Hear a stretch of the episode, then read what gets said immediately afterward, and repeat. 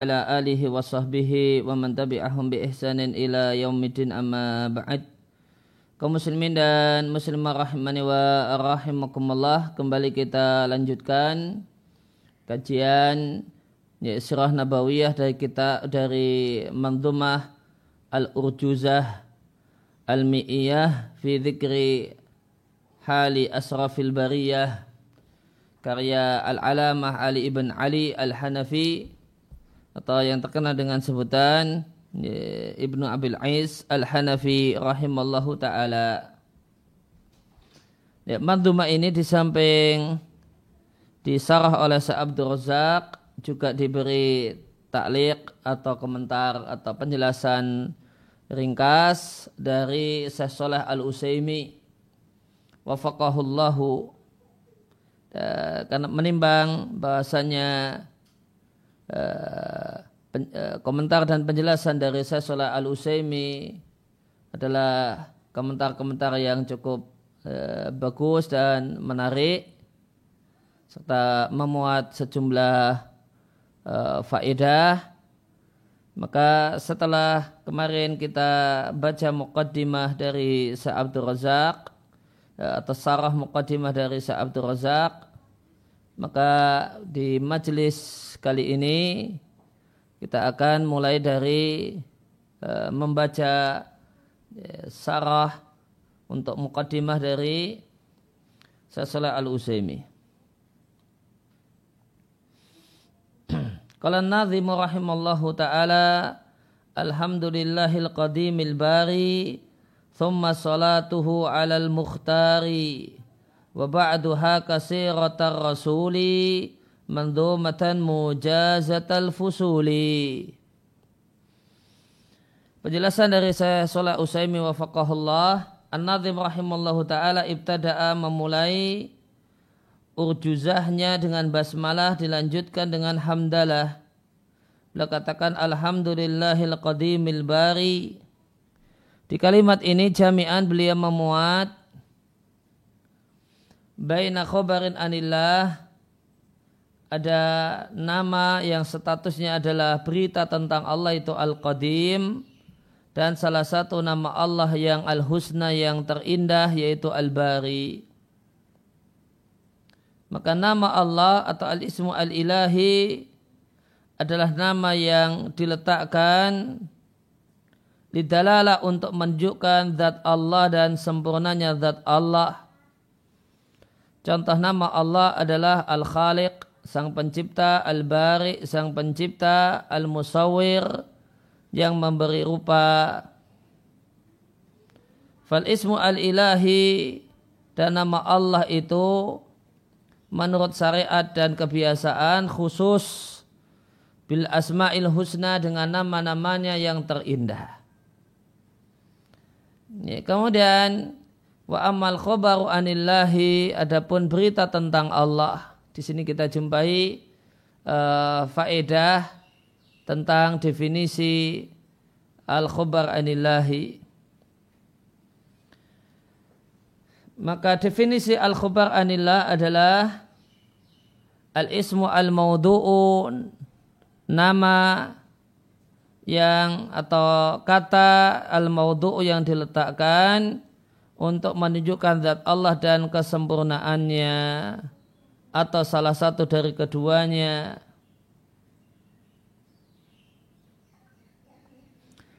Ya, contoh uh, khobar anillah beliau contohkan dengan tiga contoh. Masing-masing mewakili unsur dari tiga unsur dari al khobar anillahi. Al hayu mislul hayyi wal hayati dan al baqi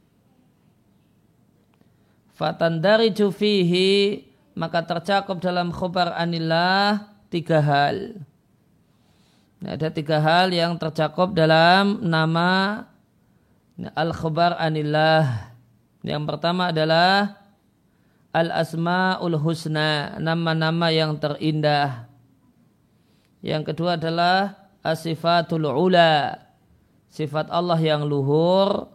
Kemudian yang ketiga malaisa isman wala sifatan Ya, sesuatu yang kata-kata yang tidak tergolong nama Allah bukan pula sifat Allah. Maka yang kami katakan di contoh yang lewat, jadi dicontohkan dengan uh, dengan tiga contoh al hayy, al hayat dan al baqi. Maka al hayyu ini adalah contoh salah satu nama Allah yang terindah. Kemudian al hayat adalah contoh khobar anillah unsur yang kedua yaitu salah satu sifat Rabb kita al-ula dat yang ya, ya, yang luhur. Kemudian yang ketiga mewakili unsur yang ketiga yaitu al-baqi. Al-baqi zat yang baka yang abadi. Al-baqi bukanlah nama bukan pula sifat Allah. Fayan dariju karena dia tidak termasuk nama dan sifat dia tercakup dalam bagian dari al-akhbar atau al-khabar anillahi subhanahu wa ta'ala. Fal khabaru anillahi laisa qasiman lil asma'i wa sifati kama yutawahhamu. Ini ini yang patut digarisbawahi. Maka khobar anillah itu bukan bagian tersendiri al qasiman. Bagian tersendiri di samping nama dan sifat Allah sebagaimana anggapan atau sebagaimana yang dianggap yaitu dianggap oleh sebagian orang. Bal huwa simton namun khobar anillah itu adalah model yang mencakup dan wadah yang memuat semua kata yang digunakan untuk menceritakan tentang Allah Azza wa Jalla. Pemin jumlatihi dan bagian dari al-khobar anillah adalah nama-nama Allah yang terindah, sifatnya yang luhur. Kemudian yang ketiga, malaysa isman wala sifatan sesuatu yang bukan ya, bagian dari nama dan bukan bagi bagian dari sifat Allah Subhanahu wa taala. Summa ardafa kemudian beliau ya, lanjutkan kemudian an-nazim ardafa lanjutkan hamdalah dengan salat salawat untuk Nabi sallallahu alaihi wasallam wa afradaha anis salami dan An-Nadim itu menyendirikan solawat tanpa digandeng dengan salam. Tadi di mantumahnya disampaikan Thumma salatuhu alal mukhtari Tidak ada salamnya Wahwa dan solawat saja Jaizun hukumnya boleh ya, Jadi boleh seorang mengatakan ya qala nabiyuna Muhammadun sallallahu alaihi gitu. Salawat saja. Itu boleh fala karahata maka tidak ada kemakruhan menyendirikan salah satu dari keduanya tanpa yang lain fi asahil kaulu lain menurut pendapat yang paling kuat dari dua pendapat. Tentu yang paling kuat menurut Sasola al-Usaimi. Maka beliau katakan tidak makruh boleh tanpa makroh menyendirikan salah satu dari keduanya. Jadi boleh Muhammad sallallahu alaihi itu boleh tanpa makroh. Kemudian yang kedua Muhammad alaihi salamu. Salam tanpa solawat itu juga boleh tanpa makruh. Meskipun wal akmalu al jam'u bainahuma. Dan yang paling sempurna adalah menggabungkan keduanya salawat dan salam semacam qalan nabiyuna Muhammadun sallallahu alaihi wasallam. Nah kenapa al-akmal yang sempurna adalah salawat ditambah dengan salam di amraini karena dua alasan. Yang pertama melaksanakan perintah dalam firman Allah Ta'ala Ya yaladina amanu sallu alaihi wasallimu taslima. Yang diperintahkan dua. Sallu sama wasallimu. Fajama'a bainahuma maka dengan salat dan salam maka berarti menggabungkan dua di antara keduanya. Kemudian alasan yang kedua adalah memperbanyak pahala karena salawat untuk Nabi Shallallahu Alaihi Wasallam memiliki pahala, assalam untuk Nabi juga memiliki pahala maka jika digabungkan keduanya maka itu lebih memperbanyak pahala dan memperbanyak pahala. Thumma qala an-nadhim rahimallahu taala wa ba'tuha kasiratar rasuli madhumatal mujazatal fusuli.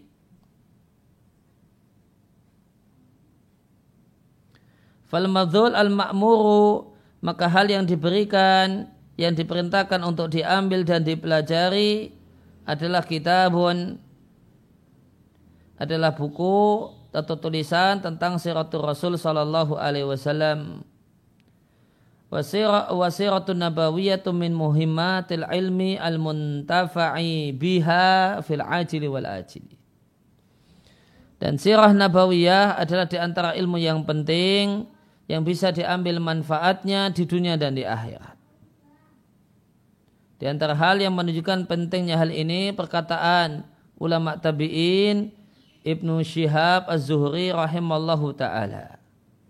Beliau mengatakan fi ilmil maghazi ilmu al-akhirati wal ula. Ilmu sirah nabawiyah yang ilmu sirah yang di istilah para ulama salaf terdahulu di, terkenal dengan sebutan ilmu maghazi adalah ilmu tentang akhirat dan dunia.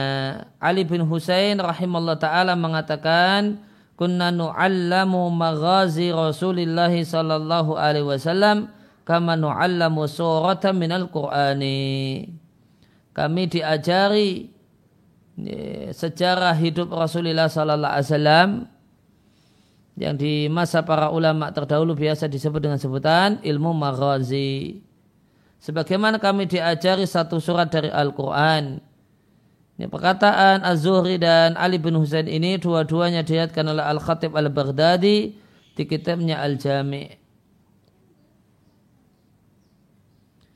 Maka perkataan Zuhri fi ilmil maghazi dan perkataan Ali bin Husain kami diajari maghazi maka maghazi di sini adalah memberitakan tentang sirah nabawiyah. Ya, maka ada faedah yang menarik dikatakan oleh Sasolah al-Usaimi yaitu li'annal ismal masyhur laha 'inda salafi huwa ismul maghazi. Maka nama yang populer untuk ilmu sirah nabawiyah yang dipakai oleh para ulama salaf adalah sebutan ilmu maghazi. Wawajuhu dalika alasannya kenapa mereka menggunakan istilah ilmu maghazi? Apa alasan yang mendorong para ulama salaf demikian? Maka jawabannya anal maghazi nabawiyah bahasanya peperangan-peperangan yang dilakukan oleh Nabi adalah a'zamu ahdasi siratil muhammadiyah adalah peristiwa sirah Nabi Muhammad sallallahu alaihi wasallam yang paling agung. Kenapa perang disebut paling agung? Lima fiha minal mufasalati li qitalin lil qitali baina fariqil mu'minin wa fariqil kafirin. Karena dalam perang itu terdapat mufasalah pemisahan pemisahan lil kital karena terjadinya peperangan antara kelompok orang yang beriman dan kelompok orang-orang kafir. Ini kenapa disebut makhosi? Karena dianggap ya, peristiwa itu yang paling uh, dalam sejarah Nabi yang paling pokok, yang paling penting adalah perang. Kenapa itu yang paling penting? Karena di situ pemisahan antara orang yang beriman dengan orang kafir. Ini. Dan demikian sejarah secara umum kita lihat kalau misalnya ya, secara Indonesia ya, di masa silam ya, ya secara Indonesia maka isi apa yang paling pokok dari sejarah Indonesia perang perang ini perang itu ya. maka ya, ini dinilai bahasanya bukan hanya para ulama sirah nabawiyah, para ahli sejarah secara umum menilai peristiwa yang paling penting dalam sejarah itu peperangan. Maka peperangan dengan Belanda, peperangan perang kemerdekaan, nah itu isi pokok yang mendominasi buku sejarah Indonesia. Hmm. sejarah Majapahit ah, apa isinya banyak tentang masalah perang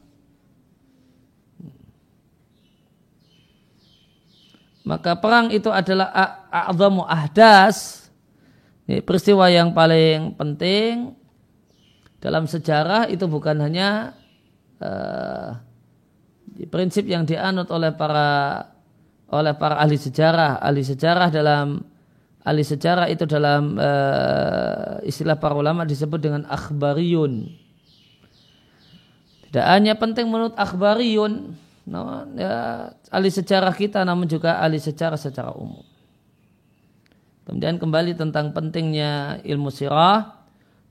Fakana salafu maka salaf rahimallahu taala mengagungkan ilmu ini Sampai-sampai pengakuan mereka itu sampai derajat yang disebutkan oleh Zuhri. Yaitu ilmu maghasi itu memuat ilmu dunia dan akhirat. Ini kan sebutan yang keren sekali. Memuat ilmu dunia dan akhirat. Wa idau hadhihi hadil jumlati dan penjelasan untuk kalimat ini yaitu kalimat bahasanya ilmu sirah itu mencakup ilmu akhirat dan dunia penjelasannya ada dari dua sisi. Yang pertama, ilmu sirah itu istimaluhu memuat rincian yang diperlukan tentang ilmu dunia dan ilmu akhirat. Kemudian yang kedua, ilmu yang manfaat dari eh, An-nafi minal ilmi ini yang manfaat di dunia dan di akhirat adalah ilmu maghazi.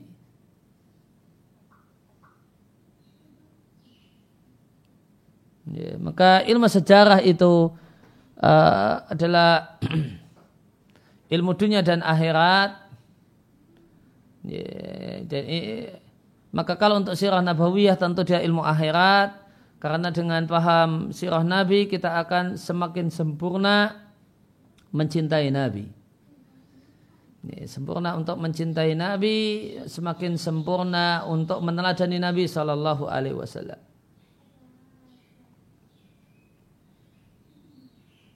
Dan ini satu hal yang penting untuk dunia dan akhirat kita. Kemudian watamsilu ta'limihi dan gambaran pengajaran sirah dengan pengajaran surat Al-Quran maka ini adalah kinayatun kiasan dari demikian perhatiannya dan antusiasnya.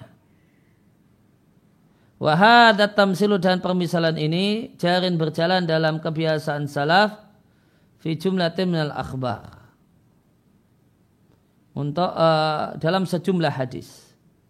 Mimma yu'thar yang diriatkan dari Nabi sallallahu alaihi wasallam minasyar'i bagian dari syariat. Contohnya uh, istikharah Nabi mengajari kami istikharah, doa istikharah sebagaimana mengajari surat dari Al-Quran. Maka di sini ilmu sirah diajarkan ilmu sirah sebagaimana diajarkan satu surat dari Al-Quran. Maka mereka mengagungkan ilmu sirah bitasdidi akhdihi pentingnya belajar ilmu sirah itu diserupakan dengan biakhdi surah minal Quran sebagaimana ya, mempelajari satu surat dari Al-Quran. Ya, kenapa parameternya Al-Quran? Lian a'zama ma yambaril ihtimabu bihi huwal Qur'anul Karim. Karena dalam pandangan seorang muslim, perkara yang paling agung yang sepatutnya menjadi sasaran perhatian adalah Al-Quran yang Allah turunkan kepada Muhammad sallallahu alaihi wasallam.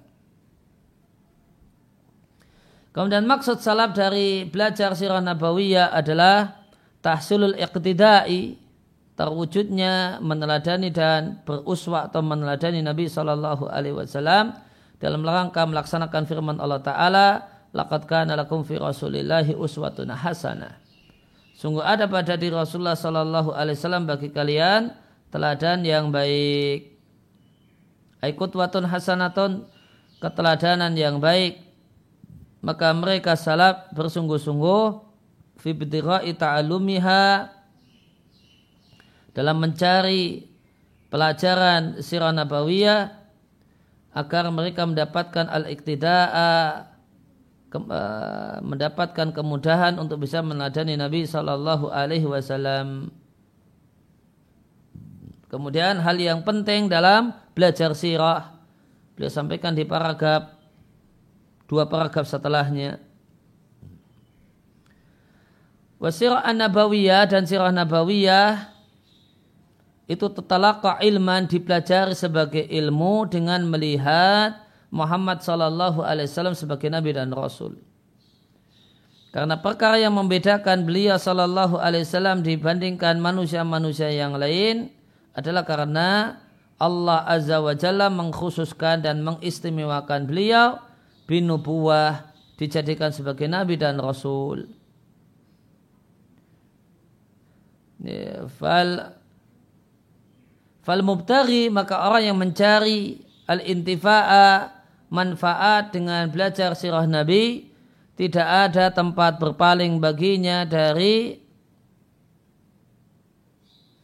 Ya, ketika an-nazar ilaihi ketika memandang Nabi dalam rincian peristiwa-peristiwa kenabian dan ya, berbagai macam berita-berita kenabian maka dia tidak ada tempat berpaling ketika uh, mempelajari Nabi dan berbagai macam peristiwanya uh, ila kaunihi nabiyya wa rasulah. Tidak boleh berpaling, hanya boleh tertuju kepada status beliau sebagai nabi dan rasul. Ini, tidak boleh berpaling kepada yang lainnya. Oh beliau adalah seorang yang cerdas. Oh beliau adalah seorang yang hebat. Gitu. Oleh karena itu di antara kesalahan ajar yang terjadi pada orang belakangan adalah menjadikan sunnah Nabi dan sirah Nabi akhbaran berita tentang adimin minal udhama orang besar atau hakimin minal hukama tokoh uh, orang yang bijak. Minal azkiya. Atau seorang yang sangat cerdas, seorang yang jenius, minal qadah. Atau seorang panglima.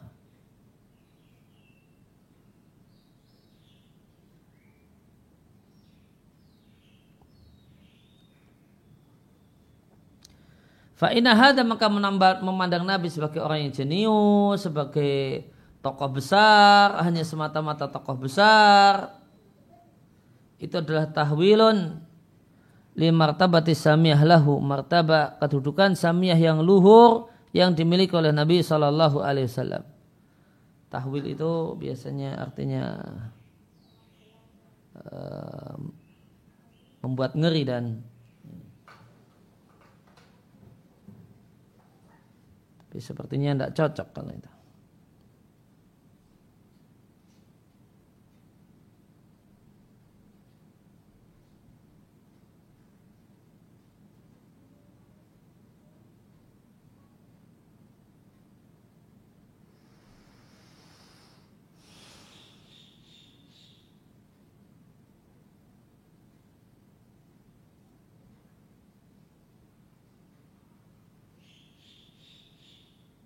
Ya, tadkhim al-umur memperbesar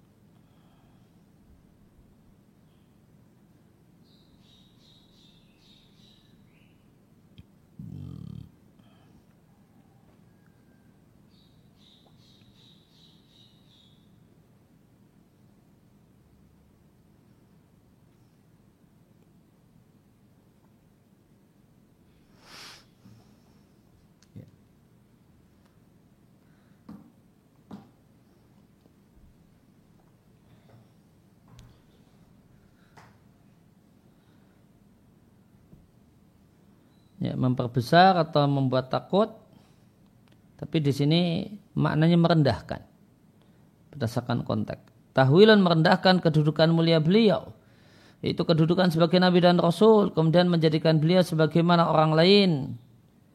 Mimman yuhadhihi dari orang yang setara dengan beliau yaitu orang-orang tokoh besar al-qada pimpinan orang yang cerdas atau jenius orang yang bijak Wahada daun ini adalah penyakit yang mengalir atau ya, tersebar pada sejumlah buku sirah nabawiyah.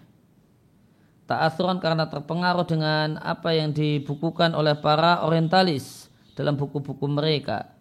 Guru dari guru-guru kami yaitu Syekh Muhammad ibn Muhammad Abu Syahbah memiliki sarhatu nadhirin, teriakan peringatan. Wasaihatu dan teriakan tahdirin peringatan. Mensejajarkan sirah Nabi Shallallahu Alaihi Wasallam dengan sirah dengan sejarah mereka-mereka orang besar. Dan beliau punya perkataan yang bagus, tasun satu hal yang bagus membacanya. Perkataan beliau beliau sebutkan di mukadimah kitabnya Sirah Nabawiyah Fidail Kitab Sunnah. Ya'lamu bi dengan perkataan beliau ini pembaca perkataan beliau akan mengetahui betapa besarnya kesalahan yang fatal yang tersebar di masyarakat memandang sejarah hidup Nabi Shallallahu Alaihi Wasallam hanya sejarah orang yang cerdas atau jenius atau azim tokoh besar atau kaid atau panglima atau orang yang bijak atau nabil orang yang mulia dengan melepas Nabi dari martab kedudukan beliau yang paling agung yaitu derajat Nabi dan Rasul. Kemudian tentang definisi sirah. Sirah itu fi'lah dari kata-kata sair wa wa aslun. Dan pada asalnya kata-kata sirah itu ya dulu menunjukkan mudiyi berjalannya wajarnya dan berjalannya ala mudin wajaroyanin berjalan dan berjalan. Mana asalnya berjalan? Sair. Demikian disebutkan oleh Ibn Faris di uh, Mu'jam uh, Maqayisil Lughah. Maka sirah disebut sirah karena dia berjalan dan berjalan. Wadhalikumus sair wal jaronan dan berjalan itu ini, perjalanan dalam uh, perjalanan yang terjadi pada sirah terletak pada dua sisi. Yang pertama minjati hudusiyah fil asasi. Dari sisi terjadinya fil asasi pada ya, pada asasnya, pada pondasinya, pada asalnya. Itu berjalan peristiwa demi peristiwa. Kemudian yang kedua menjahatin nakli halin nasi dari sisi ya, ketika ditransfer linasi kepada banyak orang. Maka dari sisi asal fa'ina maka yang namanya sirah itu tahdusu terjadi kodaran wakian dalam ini, Wakian terjadi, terjadi secara berurutan. Ada kronologinya, peristiwa ini kronologinya begini, begini, begini berjalan. Kemudian tungkol, kemudian di ditransfer di hadapan banyak orang khobaron syai'an. Dengan berita yang tersebar.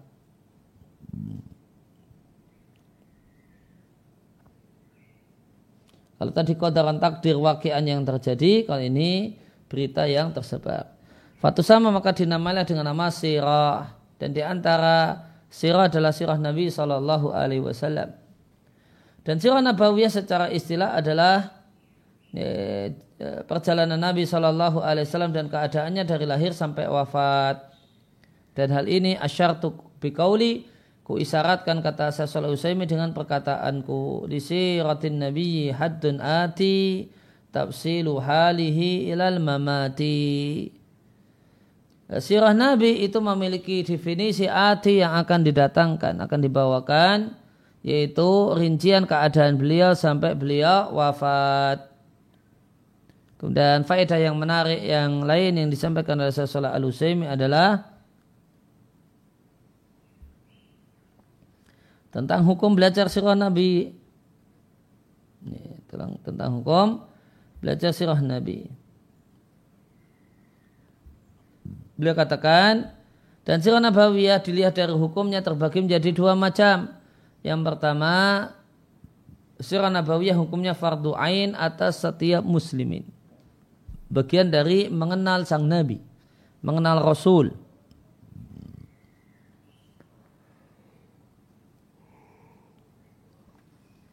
Ya fardu ain atas setiap kaum muslimin. Tentang hal ini sirah yang hukumnya fardu ain Sannafa Ibnu Faris Ibnu Faris menulis satu kitab judulnya Aujazus Siyari li Khairil Bashari. Faqala beliau katakan di mukadimahnya ini adalah akan menjelaskan sesuatu yang semestinya dihafal oleh seorang muslim dan wajib perhatikan Wajib dan wajib atas setiap orang yang punya agama untuk mengetahuinya. Itulah nasab Nabi dan kelahiran Nabi dan seterusnya. Wajibah dan inti sirah Nabi yang fardu ain intinya adalah empat poin.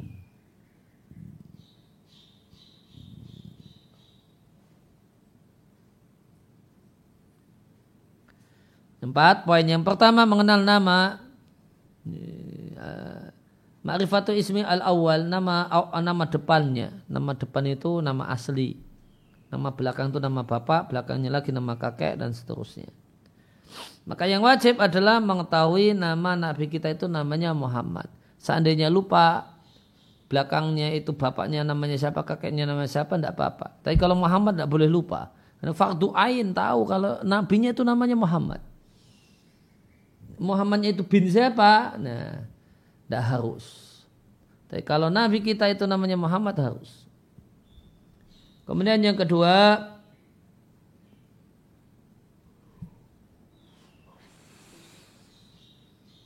adalah mengetahui bahasanya beliau adalah hamba Allah dan utusannya dan penutup para nabi. Yang ketiga, Ya, bahasanya beliau datang pada kita membawa bukti yang nyata itu mukjizat, kemudian membawa al-huda dan dinil haq. Al-huda artinya ilmu nafi dan dinil haq artinya amalun saleh. Ilmu yang bermanfaat dan amal saleh. Yang keempat,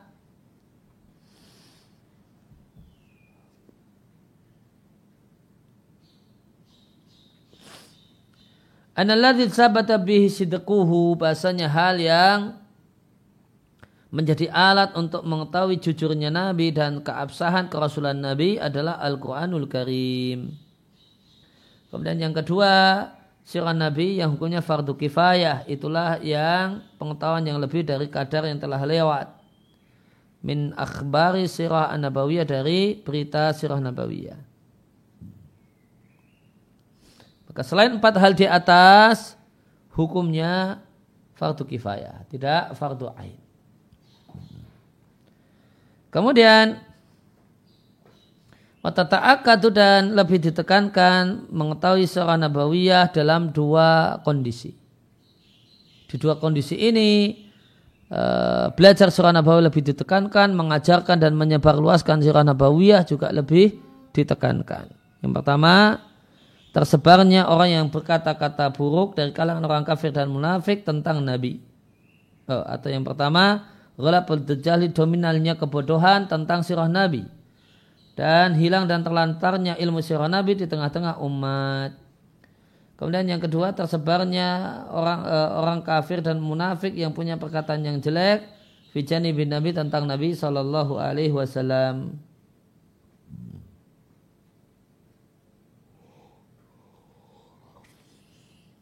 Famata maka jika dijumpai Poin yang pertama ataukah yang kedua, maka ditekankan berilmu tentang sirah nabawiyah, tahsilan mendapatkan ilmunya, bahkan dan menyebarluaskannya.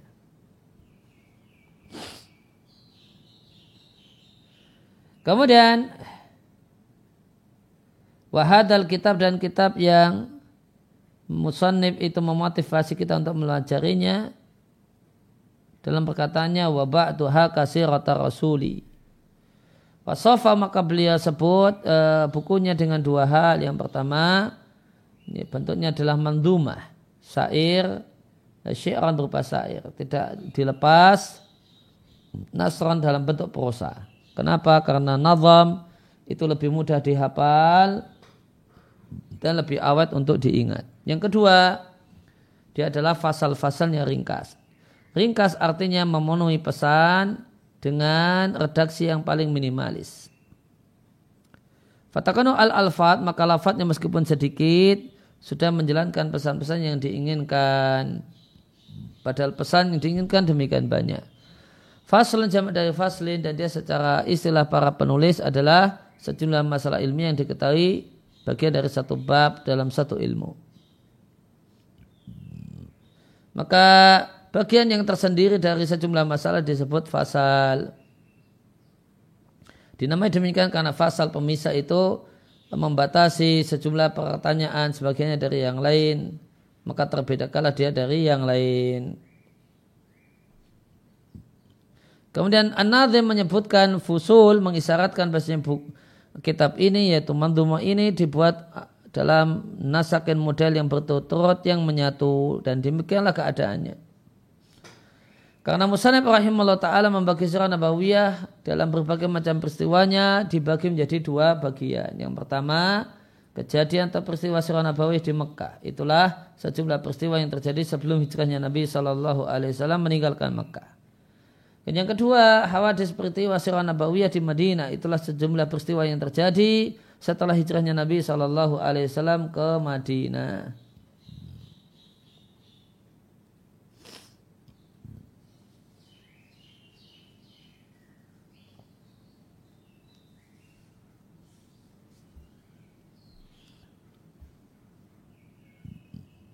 Dan sirah baik terbagi dari Makkiyah dan Madaniyah itu semisal dengan surat Al-Quran ada Makki dan ada Nabawi.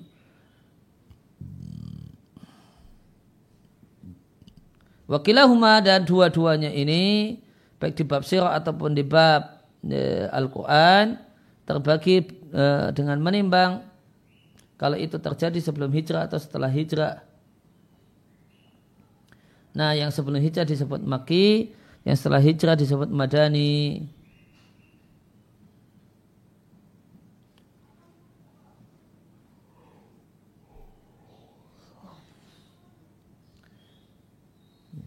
Walau kudra meskipun diandaikan kalau itu terjadi lam yakot tidak terjadi di kota Mekah tidak pula terjadi di kota Madinah.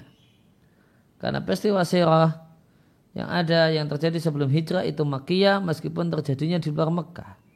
Sedangkan peristiwa sirah yang terjadi setelah hijrah dalam Madaniyah meskipun terjadi di luar Madinah Nabawiyah. Kemudian Musanib rahimahullah ta'ala menjadikan e, macam pertama menjadi dua bagian. Yang pertama hawadis makiyah, sirah-sirah makiyah yang ter, terletak atau terjadi setelah atau sebelum diutus sebagai nabi. Bi'tha. Yang kedua, peristiwa yang ada di Mekah atau sebelum hijrah yang terjadi setelah bi'tha diutusnya beliau sebagai nabi. Maka Musa rahimahullah ta'ala ibtada'a memulai dari macam yang pertama dari bagian yang pertama yaitu peristiwa sirah nabawiyah makiyah yang terjadi sebelum bi'thah diutusnya Nabi sallallahu alaihi wasallam. Fadaka ihda asrata hadisatan min hadisiyah maka ada sebelas peristiwa. Yang pertama adalah kelahiran Nabi Shallallahu Alaihi Wasallam harinya, tanggalnya, bulan dan tahunnya.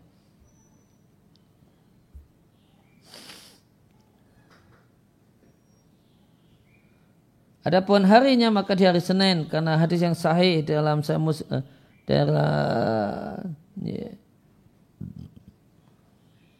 karena dalam saya Muslim dari Abu Qatadah Nabi Shallallahu Alaihi Wasallam ditanya tentang puasa hari Senin maka Nabi katakan itu adalah hari aku dilahirkan. Ibnu Kathir di kitabnya Bidayah dan e, menukil demikian juga ijma bahasa Nabi Shallallahu Alaihi Wasallam dilahirkan pada hari Senin.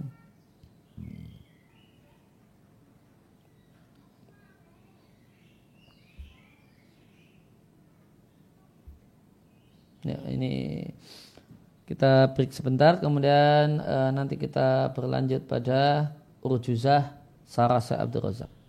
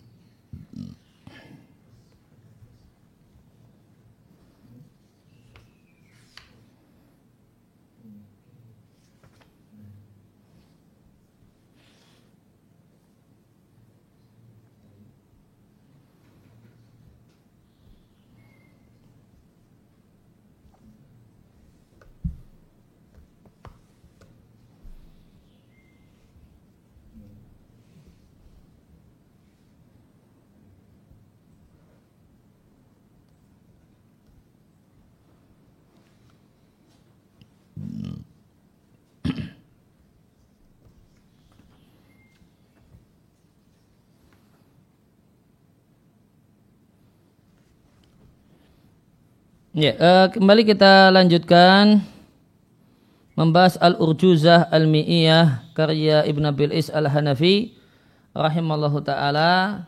Kita akan baca uh, penjelasan dari Sa Abdul Razak. Kita masuk pada bait yang ketiga. Qala Nadhim rahimallahu taala mauliduhu fi ashiril fadili ربيع أول عام الفيل. لكنما المشهور ثاني عشره في يوم الاثنين طلوع فجره. ووافق العشرين من نيسانا وقبله حين أبيه حانا مولده لهرن يا نبي itu في أشير الفضيل di tanggal 10 Al-Fadili yang istimewa Rabiul Awal bulannya Rabiul Awal tahunnya tahun gajah Lakin lakin nama akan tetapi yang terkenal beliau lahir tanggal 12 Rabiul Awal pada hari Senin saat terbit fajar. Dan tanggal ini dan kejadian ini wafaqah bertepatan dengan 20 April. 20 dari bulan Naisan yaitu April. Wa dan sebelum maulid hunya kembali ke maulid hainu wafatnya abihi ayahnya Hana wafat. Ya kala syarih hafizallahu taala wa faqahu An-Nadim rahimahullah ta'ala menyebutkan di tiga bait ini hal yang berkenaan dengan kelahiran sang Rasul alaihi salatu wassalam. Dan ini di semua buku-buku sirah adalah awaluma. Hal yang pertama kali yang dimulai ketika membahas tentang sirah Nabi sallallahu wasallamu alaihi. Maka mauliduhu hunya kembali kepada Nabi. Fi ashiril fadili rabil awali. Artinya pada tanggal 10 dari bulan rabil awal. Amal fili di tahun gajah. Itu di tahun yang dikenal dengan sebutan tahun gajah. Karena satu kisah yang terkenal. Allah tiwaqat yang terjadi pada tahun itu. Pelaku kisahnya adalah Abraha. Indah ma'ata makata tatkala Abraha ini mendatangi Mekah qasidan karena bermaksud menghancurkan rumah Allah Baitullah Baitullahi Al-Haram. Kemudian Allah katakan di surat Al-Fil alam tara kaifa fa'ala rabbuka bi ashabil fil. Tidakkah engkau mengetahui bagaimanakah tindakan yang dilakukan oleh Rabbmu terhadap pasukan gajah? Alam yaja'al kaidam fi tadlil Tidakkah Allah jadikan usaha jeripayah mereka sia-sia? Wa arsala alaihim Allah turunkan, Allah kirimkan untuk menghadapi mereka tayran, burung-burung kecil, ababil yang rombongan-rombongan. Melempari mereka e, bicara dengan batu min sijil dari lumpur. Lantas Allah, e, Allah jadikan mereka seperti makanan makul yang dimakan. Fadakal am maka tahun itu dikenal dengan sebutan amul fil tahun gajah. Dan di antara kebiasaan orang Arab dan manusia secara umum adalah membuat kalender untuk tahun bil hawadis al-kibar dengan peristiwa-peristiwa besar yang terjadi pada tahun itu. Dan berkenaan dengan surat Al-Fil, saya ingin bacakan tafsir Juz Amma karya saya Sa'ad Al-Thatri terkait dengan surat Al-Fil.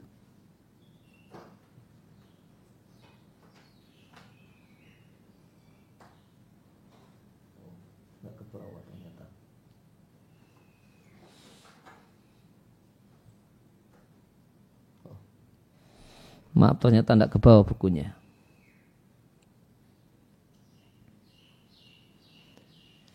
Nah, sehingga kembali kita lanjutkan.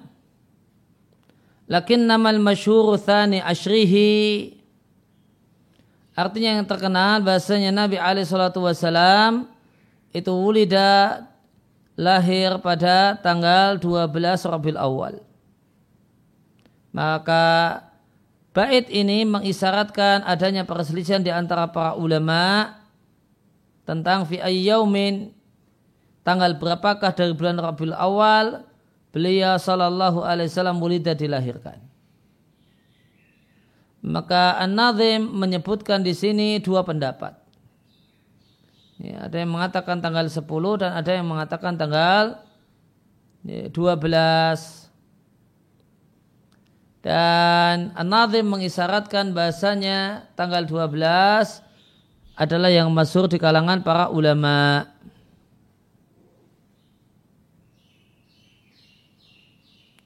Wakila kadalika dan dikatakan kadalika demikian juga ini, ini pendapat yang ketiga bahasanya lahirnya Nabi alaihi salatu wasalam itu tanggal 8 ya, Rabiul Awal. Wakilah ghairu dalika dan ada pendapat-pendapat yang lain. Maka Nazim menyebutkan dua, dua pendapat, pensarah nambahi satu lagi. Nazim menyebutkan memilih sepuluh, menyebutkan ada pendapat dua belas, pensarah nambahi tanggal satu lagi tanggal 8.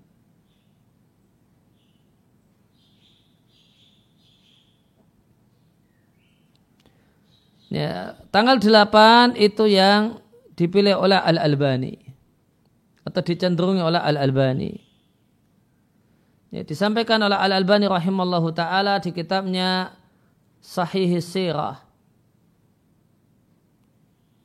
Wa fi syahri dan di bulan Rabiul Awal atau tentang bulannya Nabi nah itu bulan kelahiran Nabi akwalun terdapat sejumlah pendapat yang disampaikan oleh Ibnu Kathir fil asal di asalnya kitab beliau yaitu Sahih Sirah. Sahih Sirah berarti adalah kitab mukhtasar. Ringkasan dari al-asal. Asalnya adalah bidaya nihaya. Wakuluha dan semua pendapat-pendapat tersebut mu'allakah sanatnya mu'allak artinya tanpa sanat karena tanpa sanat berarti tidak memungkinkan an-nazar fiha mentelaah mengkaji sanat-sanatnya dan menimbangnya dengan timbangan ilmu mustalah hadis. Ila akan tetapi kaulaman kala pendapat yang mengatakan kalau Nabi itu lahir tanggal 8 Rabiul Awal Ya, ini satu-satunya yang ya, sanatnya sambung. Fa'ina rawahu maka ini dilihatkan oleh Malik dan yang lainnya dengan sanat yang sahih sampai kepada Muhammad bin Jubair ibn Mut'aim anaknya Jubair bin Mut'aim kalau Jubair bin Mut'aim sahabat Nabi kalau Muhammad berarti tabi'in. Seorang tabi'in yang mulia nah, maka pendapat-pendapat yang lain tanpa sanat mu'alak yang bersanad cuma ta, pendapat tanggal 8. Ini, sanatnya sampai ke ujungnya adalah seorang tabi'in Muhammad anaknya Jubair ibn Mut'aim. Wala'allahu dan boleh jadi ya, Lidhalika karena itu yang punya sanat yang sahih maka sahaha hadal kaula pendapat ini dinilai sahih oleh ya, para pakar sejarah dan dinilai sebagai pendapat yang muktamad yang bisa dan layak untuk dijadikan pegangan. Sumakala kemudian Al Albani mengatakan wal jumhuru namun mayoritas para ulama sirah berpendapat bahasanya tanggal lahir Nabi adalah fithani asyara tanggal 12 minhu bulan Rabiul Awal wallahu a'lam. Wadal ikhtilaf dan perselisihan tentang fitahdidil yaumi pemastian tanggal lahirnya Nabi alaihi salatu wasalam di bulan Rabiul Awal adalah minnal adilati bagian dari dalil yang disebutkan oleh para ulama bahasanya malam lahirnya Nabi alaihi salatu wasalam itu tidak memiliki konsekuensi hukum syar'i.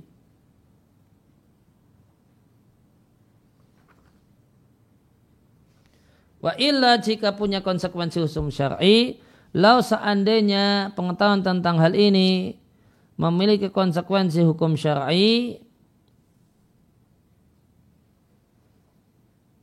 atau amal yang disyariatkan tentu tidaklah ada perselisihan semacam ini tentang tahdid penentuan tanggal lahirnya Nabi Sallallahu Alaihi Wasallam. Tentu tidak akan ada perselisihan yang disebutkan di semua buku-buku sejarah.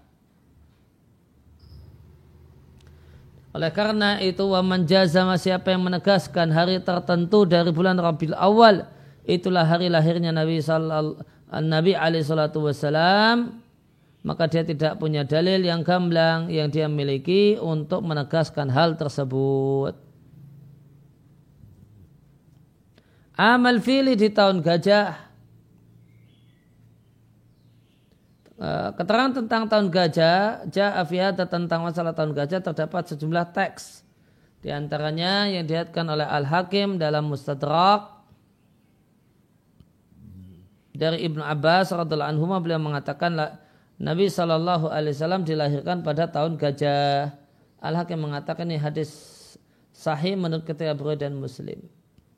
Dan Dahabi mengatakan sesuai kriteria Muslim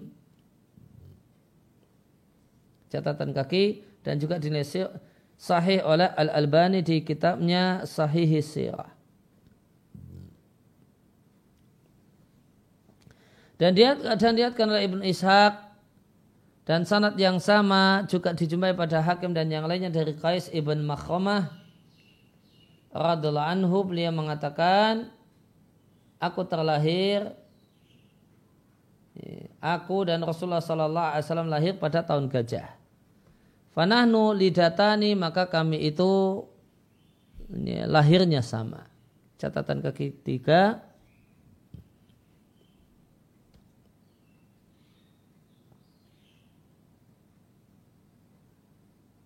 Ini Hasan al Albani. Catatan kaki empat. Kalimat ana lidatu fulanin artinya ana tirbuhu. Saya seangkatan dengan dia diambil kata-kata waladayal itu taknya itu pengganti wawu. Kembali ke atas kalimat fulanun lidatu fulanin itu maknanya jika terlahir bareng dengannya ya, fi waktu wahid di waktu yang sama. Maka Nabi alaihi salatu wasalam lahir pada tahun gajah. Waktu lifa dan diperselisihkan bikam yaumin berapa hari kelahiran Nabi saw setelah peristiwa gajah. Pendapat yang terkenal di referensi yang lain dikatakan pendapat mayoritas para ulama itu 50 hari setelah kejadian gajah.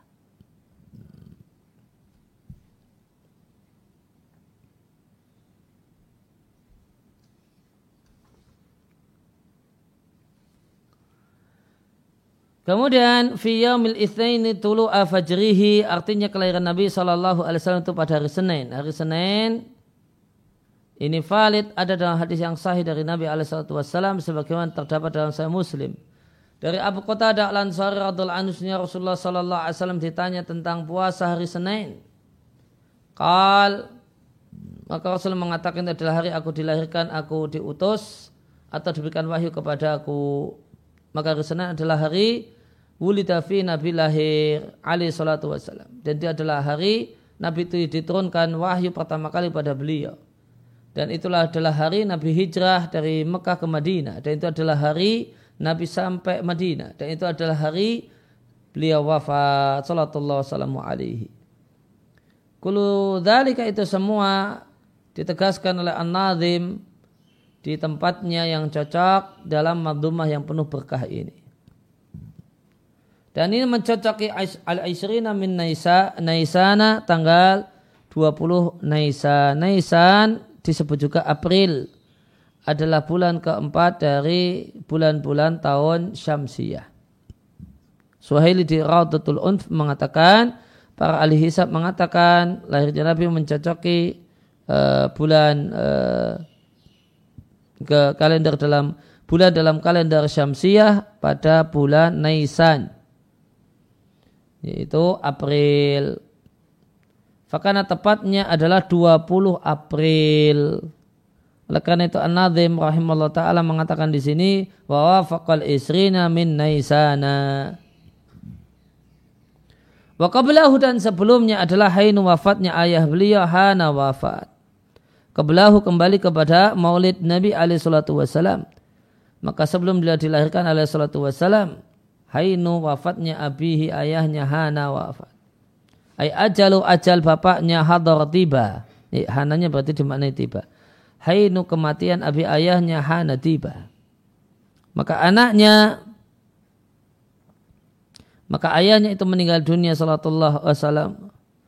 Ya, maka kakek uh, kak, ayahnya meninggal dunia sedangkan Nabi itu masih jadi janin di perut ibunya menurut pendapat yang paling kuat. Hain uh, haknya di fathah artinya al-hana kebinasaan dan kematian sebagaimana dalam al-qamus dan yang lain. Waktalafa ahlul ilmi dan para ulama berselisih pendapat tentang wafat ayahnya alaihi salatu wassalam. Apakah sang ayah itu Abdullah itu wafat ketika janin Nabi itu masih dalam kondisi hamil atau setelah dilahirkan? Pendapat yang kuat, wafat ayahnya alaihi salatu wassalam ketika beliau masih jadi janin di perut ibunya. Dan inilah yang ditegaskan oleh Ibnu Ishaq dalam sirah. Bahkan beliau tidak menyebutkan yang lainnya. Wahada dan ini adalah ablak lebih luar biasa adalah ablaru darajatil yutmi derajat yatim yang paling tinggi yaitu ayah mening, uh, ayah meninggal dunia sedangkan si anak itu masih janin di perut ibunya. Sehingga ketika dia keluar ke ke dunia dia tidak memiliki ayah. Dan keyatiman Nabi Shallallahu Alaihi Wasallam Allah sebutkan dalam Al Quran di surat Ad-Duha. Tidakkah Allah jadikan engkau jumpai engkau yatim, lantas Allah berikan tempat padamu. Lalu engkau dia Allah melindungimu. Allah jumpai engkau tersesat, Allah berikan petunjuk. Dan uh, Allah jumpai ailan miskin, fa'arna, lantas Allah cukupi. Demikian di, uh, di surat Ad-Duha.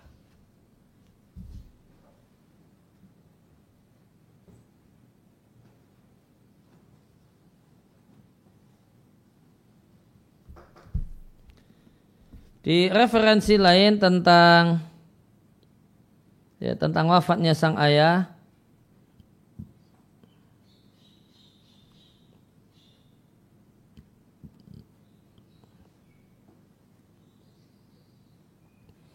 Eh, Nabi Shallallahu Alaihi Wasallam terlahir yatim karena ayahnya Abdullah bin Abdul Muttalib sakit di tengah-tengah ya, rujuihi ketika beliau pulang dari berdagang ke negeri Syam.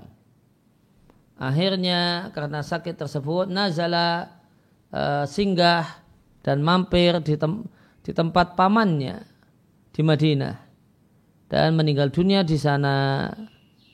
Nah Abdullah itu ketika meninggal umurnya baru 25 tahun. Setelah dia tinggalkan Rasulullah SAW sebagai janin di perut ibunya. Dan ini adalah derajat yatim yang paling tinggi meninggal dunia atau lahir dalam keadaan tidak lihat, tidak ada dan tidak menjumpai ayah.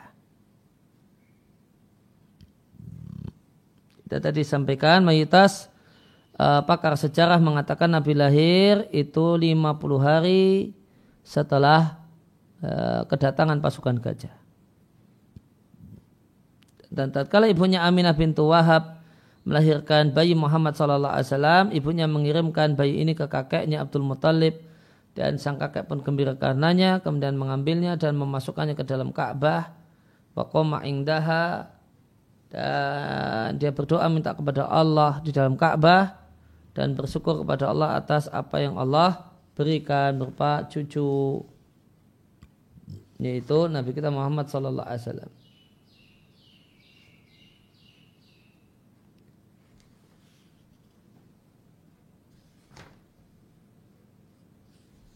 Nah, itu jadi ada tambahan faedah umurnya Abdullah 25 dan ini kepulangan dari Syam ketika eh, berdagang di negeri Syam. Dan kita tambahkan sedikit dari sarahnya Syaikh Al Utsaimin.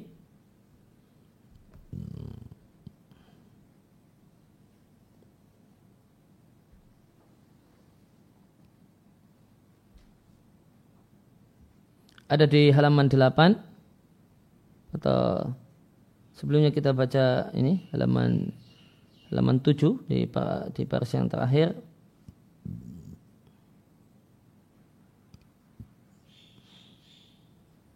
Nah, maka di yang dibahas di urjuzah ini ada 11 peristiwa sirah nabawiyah makiyah yang terjadi sebelum bi'thah. Yang pertama adalah kelahiran Nabi hari tahun bulan dan uh, yauman tanggal tarikh sejarah syaron bulan aman tahunnya. Adapun harinya ya, berarti yauman hari tarikhon itu tanggal. Yauman hari tarikhon tanggal syaron bulan aman tahunnya. Harinya hari Senin karena ada dalam saya Muslim dari Abu Qatadah radhiyallahu anhu Nabi wasallam ditanya tentang puasa hari Senin maka Nabi katakan itu hari aku dilahirkan.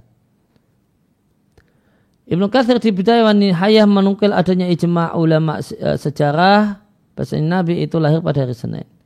Dan waktu lahirnya pada hari Senin saat terbit fajar. Demikian disebutkan oleh An-Nazim tabaan mengikuti sejumlah ulama-ulama terdahulu semacam Az-Zubair, Ibn Bakar, Ibn Sirin, di Tarikh Ad-Dhabi di Kesemsiran Nabawiyah,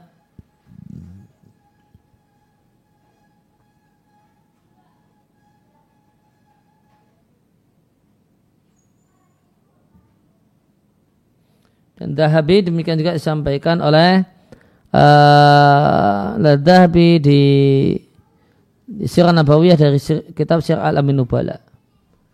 Waduka dan disebutkan juga bahasanya Nabi itu lahir di tengah-tengah siang. Wakilah dan pendapat ketiga, Nabi lahir di malam hari. Ada tiga pendapat. Saat terbit fajar, di tengah-tengah siang, kemudian saat malam hari. Walai sali syai'in min hadil akwali. Dan tidak ada bagi semua tiga pendapat ini ma alasan dan argumen yang bisa ditegaskan manakah yang rajih ya, kerajihannya dibandingkan yang lainnya. Fal majzum bihi maka yang bisa ditegaskan bahasa Nabi lahir pada hari Senin tanpa menegaskan waktu lahirnya. Terbit fajar ataukah tengah-tengah siang atau di malam hari. Namun yang jelas dalam masalah ada tiga pendapat. Dan pendapat yang diutamakan dan dipilih oleh An-Nazim adalah Nabi lahir saat terbit fajar. Adapun tanggalnya, maka dia menurut An-Nazim rahimallahu taala tanggal 10 Rabiul Awal dan yang terkenal sebagaimana dikatakan oleh Nazim adalah tang, dan itulah pendapat jumhur Nabi lahir tanggal 12. Dan itulah yang benar. Ini. Maka kalau tadi apa Sa Abdul Razak pilih agak condong tanggal 8 ngikuti Al-Albani maka di sini kita lihat uh, versi yang lain. Isa Salah Usaimi menyampaikan jumhur tanggal 12 dan itulah yang benar. Lima sabata alasannya karena terdapat dalam Ibnu Ibnu Abi Syaibah dan Juraqani di kitabnya Abatil dari Jabir bin Abdullah bin Abbas eh, dari Jabir bin Abdullah dan Ibnu Abbas radhiyallahu anhu keduanya mengatakan Nabi Shallallahu alaihi wasallam dilahirkan pada pada hari fil pada hari Senin tanggal 12 Rabiul Awal. Ya, maka di sini ya, kalau alasan tanggal 8 tadi apa? Perkataan tabi'in. Nah, ini lebih mantap ini.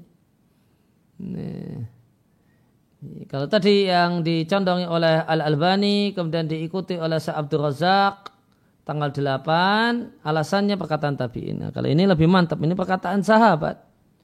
Dua sahabat lagi. Jabir bin Abdullah dan Ibnu Abbas. Keduanya mengatakan Nabi SAW dilahirkan pada tahun gajah pada tanggal Senin 12 Rabiul Awal. Wala yu'rafu dan tidak diketahui dari satupun sahabat selain pendapat ini. Dan para sahabatlah yang lebih berilmu tentang hal ini Fala maktubihi maka bisa dipastikan kalau Nabi dilahirkan pada tanggal 12 Rabiul Awal.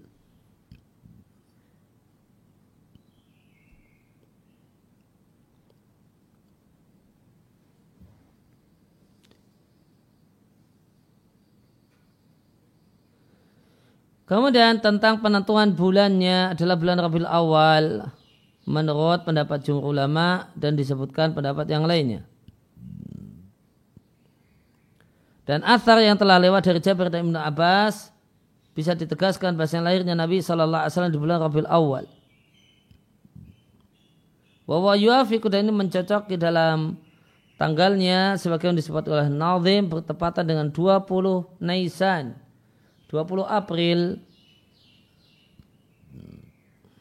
Yaitu 20 April menurut takwim takwim itu kalender. Kalender tahun tahunan pakai syamsiah.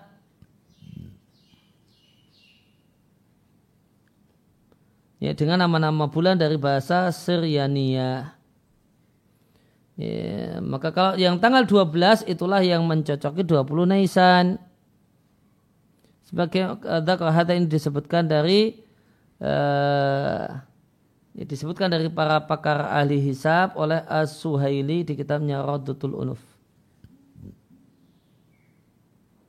Namun ini dianggap jauh oleh Ad-Dahabi. Kesimpulannya wal asbah yang lebih mendekati sahnya pendapat ini yang populer di kalangan para ahli hisab dari para ahli falak. Bahasanya, lainnya Nabi Shallallahu Alaihi Wasallam di bulan Samsiah itu bertepatan dengan 20 Naisan dengan 20 April. Dan salah satu ulama belakangan yang ahli astronomi yaitu Muhammad Basya dan ulama-ulama Mesir punya buku khusus untuk menetapkan sahnya pendapat berpendapat dengan pendapat ini.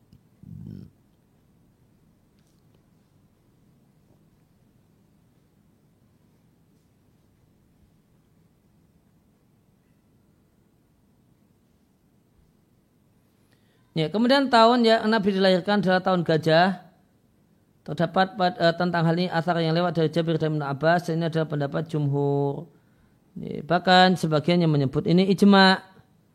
Ya, nukilan ijma disampaikan oleh Ibrahim ibn Mungdir al-Hizami dan Khalifah ibn Khayyad dan yang lainnya. Namun As-Salihi memberikan label di kitabnya Subul Huda wa Rasyad memberikan label nukilan ijma dalam hal ini adalah sikap berlebihan. Ini komprominya wal adhar dan yang lebih tepat wallah a'lam bahasa mereka mereka menginginkan ijma di sini adalah ijma khas yaitu ijma pakar hadis. Oleh karena itu ijma yang disebutkan tentang Nabi lahir tahun gajah yang dimaksudkan adalah ijma pakar hadis dari para penukil hadis dan para perawi hadis. Adapun perselisihan yang terjadi Fawa khilafun maka dia ada perselisihan yang telah disebutkan ingda ghairihim nan naqalati sirah. Ya, ya, maka perselisihan yang disebutkan itu menurut para penukil sejarah dan berita dan hadis-hadis kenabian. Wasahah dan sahih penegasan lahirnya Nabi itu tahun gajah dari selain Ibnu Abbas dan Jabir semacam Qais ibn Makhzamah. Fi iddatin minas sahabat ditambah sahabat-sahabat yang lainnya. Maka adalah fatahasala maka uh, bisa disimpulkan dari keterangan yang lewat lahirnya Nabi itu hari Senin tanggalnya 12 Rabiul Awal tahun gajah. Dan ada orang Arab membuat penanggalan dengan peristiwa maka perkataan mereka tahun gajah mereka inginkan adalah matafaqa apa yang telah terjadi min halak dari ke, kebinasaan tentara uh, tentara Habasyah yang ingin memerangi Ka'bah. Dan mereka uh, ajukan di posisi depan gajah yang sangat besar. Lantas Allah Subhanahu wa taala membinasakan mereka dan tersebarlah berita kebinasaan mereka di tengah-tengah orang Arab. Hanya orang-orang pun membuat sejarah dengannya. Dan Nabi Shallallahu Alaihi Wasallam menjadikannya hal ini sebagai takdumatan pengantar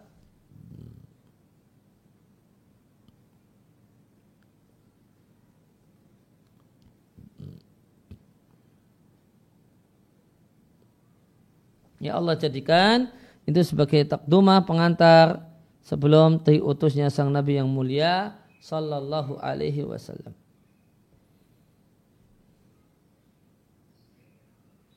Ya, maka ringkasnya uh, pendapat yang dicenderungi oleh Asasul Usaimi selaras dengan pendapat jumhur uh, ya. Kalau itu tanggalnya tanggal 12 Rabiul Awal. Alasannya ada perkataan dua sahabat Nabi. Dan ini berbeda dengan uh, Sa'abdur Razak dan sebelumnya Al-Albani yang condong pada tanggal 8. Ya, demikian wasallallahu ala nabiyina Muhammadin wa ala alihi wasallam wa alhamdulillahi rabbil alamin. Ada pertanyaan berapa? Hmm.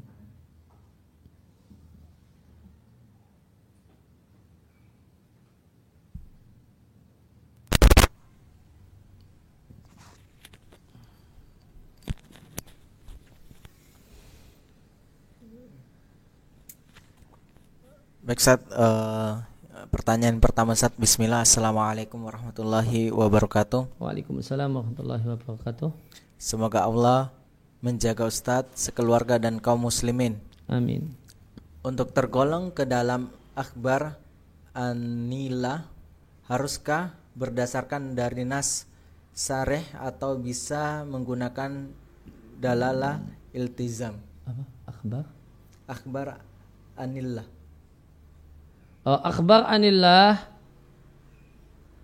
itu tidak harus berdalil tadi telah disampaikan oleh sesalah usaimi ini, kalau yang berdalil itu harus nama dan sifat untuk ikhbar anillah tidak harus berdalil yang penting maknanya benar tidak ada di sana unsur merendahkan dan melecehkan Allah Subhanahu wa taala dan demikianlah Allah.